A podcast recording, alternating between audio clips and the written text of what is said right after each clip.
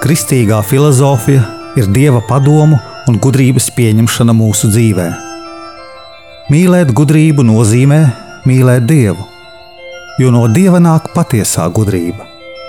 Raidījums Kristīgā filozofija.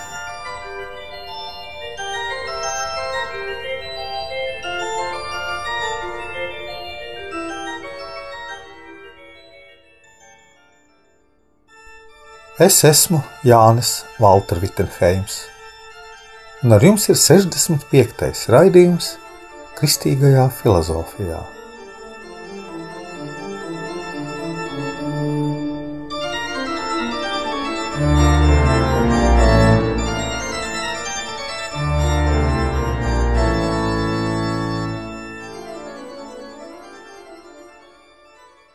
Mēs dzīvē kāpjam savā ticības kalnā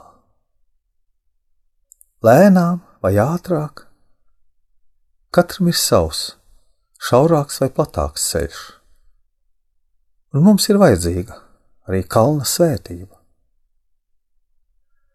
Mums pašiem arī jādod dieva vārdi citiem cilvēkiem, bet bieži ir dzirdēts: nedodiet pērles sūkām.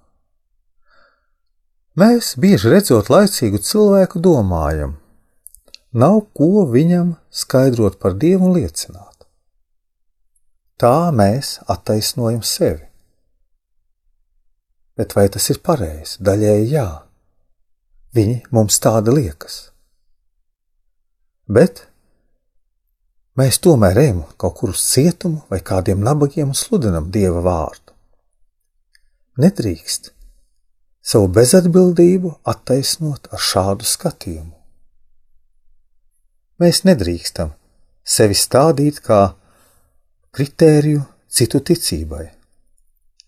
Arī slepkava, dzirdot Kristus sacīto, atgriezās ticībā un tika pēc krusta nāves uzņemts debesīs.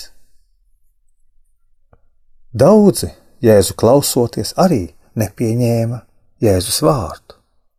Ar viņiem runāja pats Dievs bet viņi to nepieņēma un aizgāja projām. Svētos rakstos ir teikts: Saki cilvēkam vienu, otru reizi, bet ja viņš nepieņem tevis teikto, ej tālāk. Cilvēkam ir sabojāts prāts. Iespējams, ka šo cilvēku interesē tikai miesīgas baudas. Ja cilvēks apliecina otro reizi, ka negrib tevi klausīties un iedziļināties Kristus vārdā, nav ko viņam uzbāzties. Nav ko ģimenē desmitiem reižu teikt kādam, kas blakām, ej uz baznīcu, ej uz baznīcu, skaties kaut ko tādu, kas ir saistīts ar Dievu, tā mēs varam tikai ieļaunot cilvēku, jo mēs nezinām, kādu ceļu Dievs viņam ir izlicis, kurš ir viņa šaurais ceļš. Mēs nevaram saprast, pa kādu ceļu iet cilvēks pie Dieva, jo tikai Dievs zina šo ceļu, kuru viņš ir šim cilvēkam individuāli izvēlējis.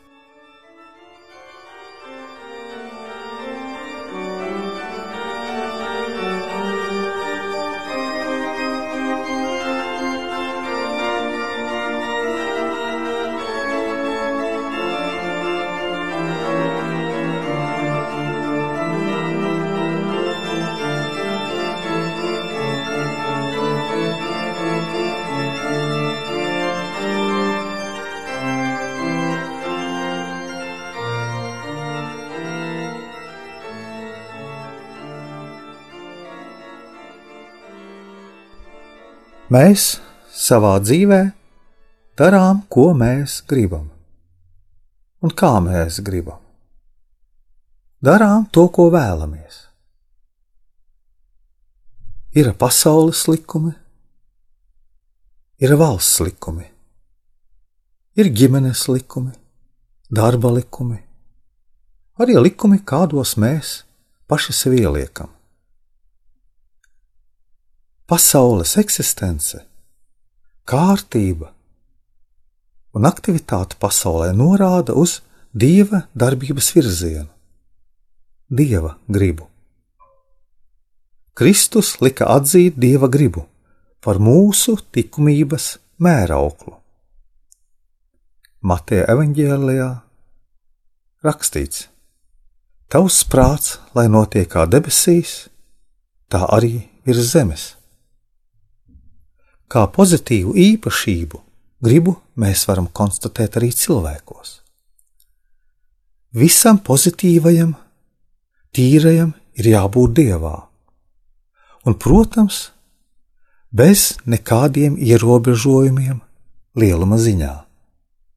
Dievs un viņa griba ir viena viengabalaina īstenība.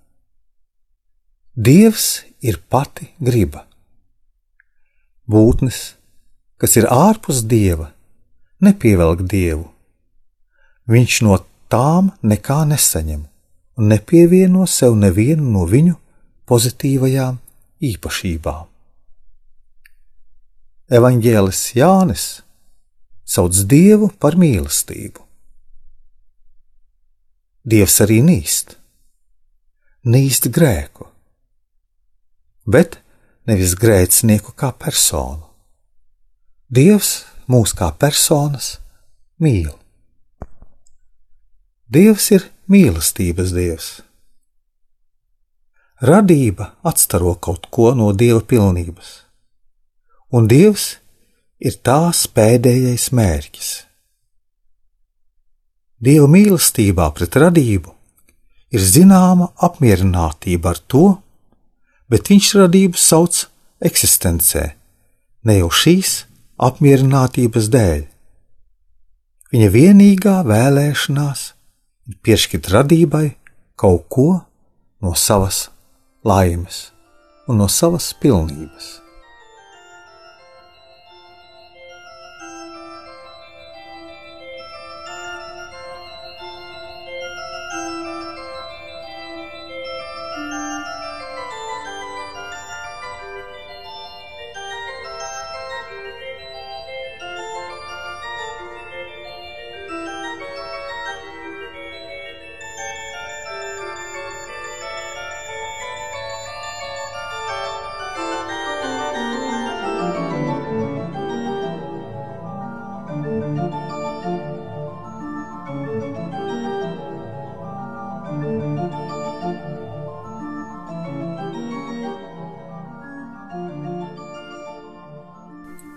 Dieva gādība par dažādiem būtņu veidiem nav vienāda.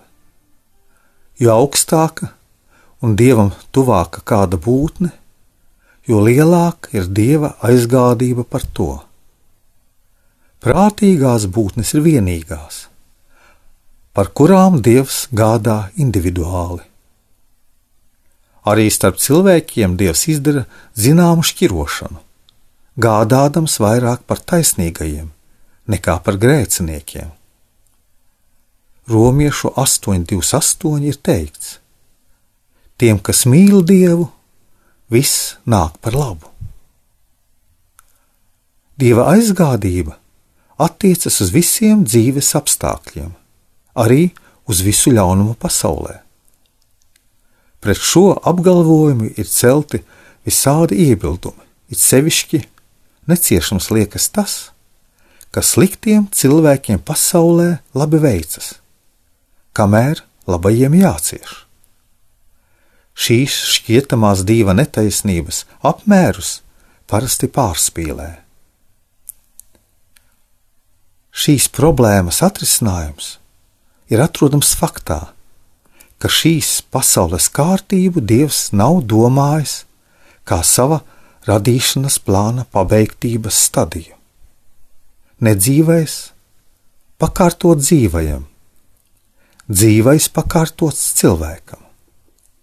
Cilvēka laiks ir pakārtots mūžīgai aizkapa dzīvei.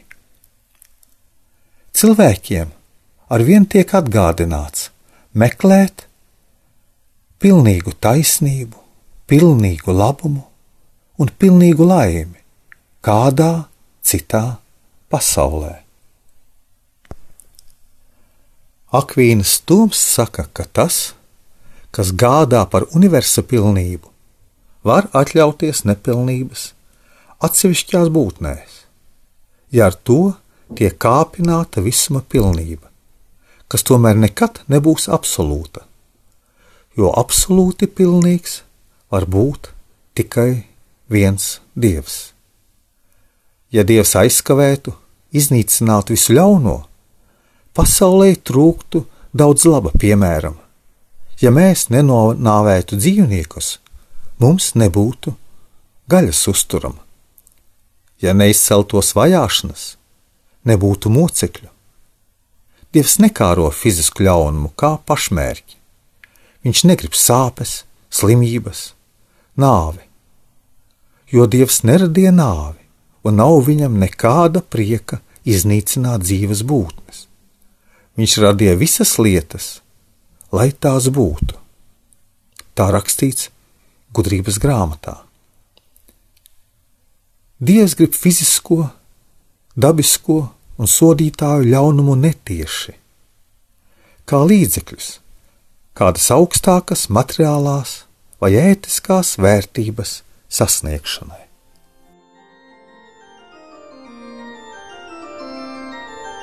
Izskanēja raidījums Kristīgā filozofija jūsu prātam, jūsu sirdī, jūsu dzīvēm.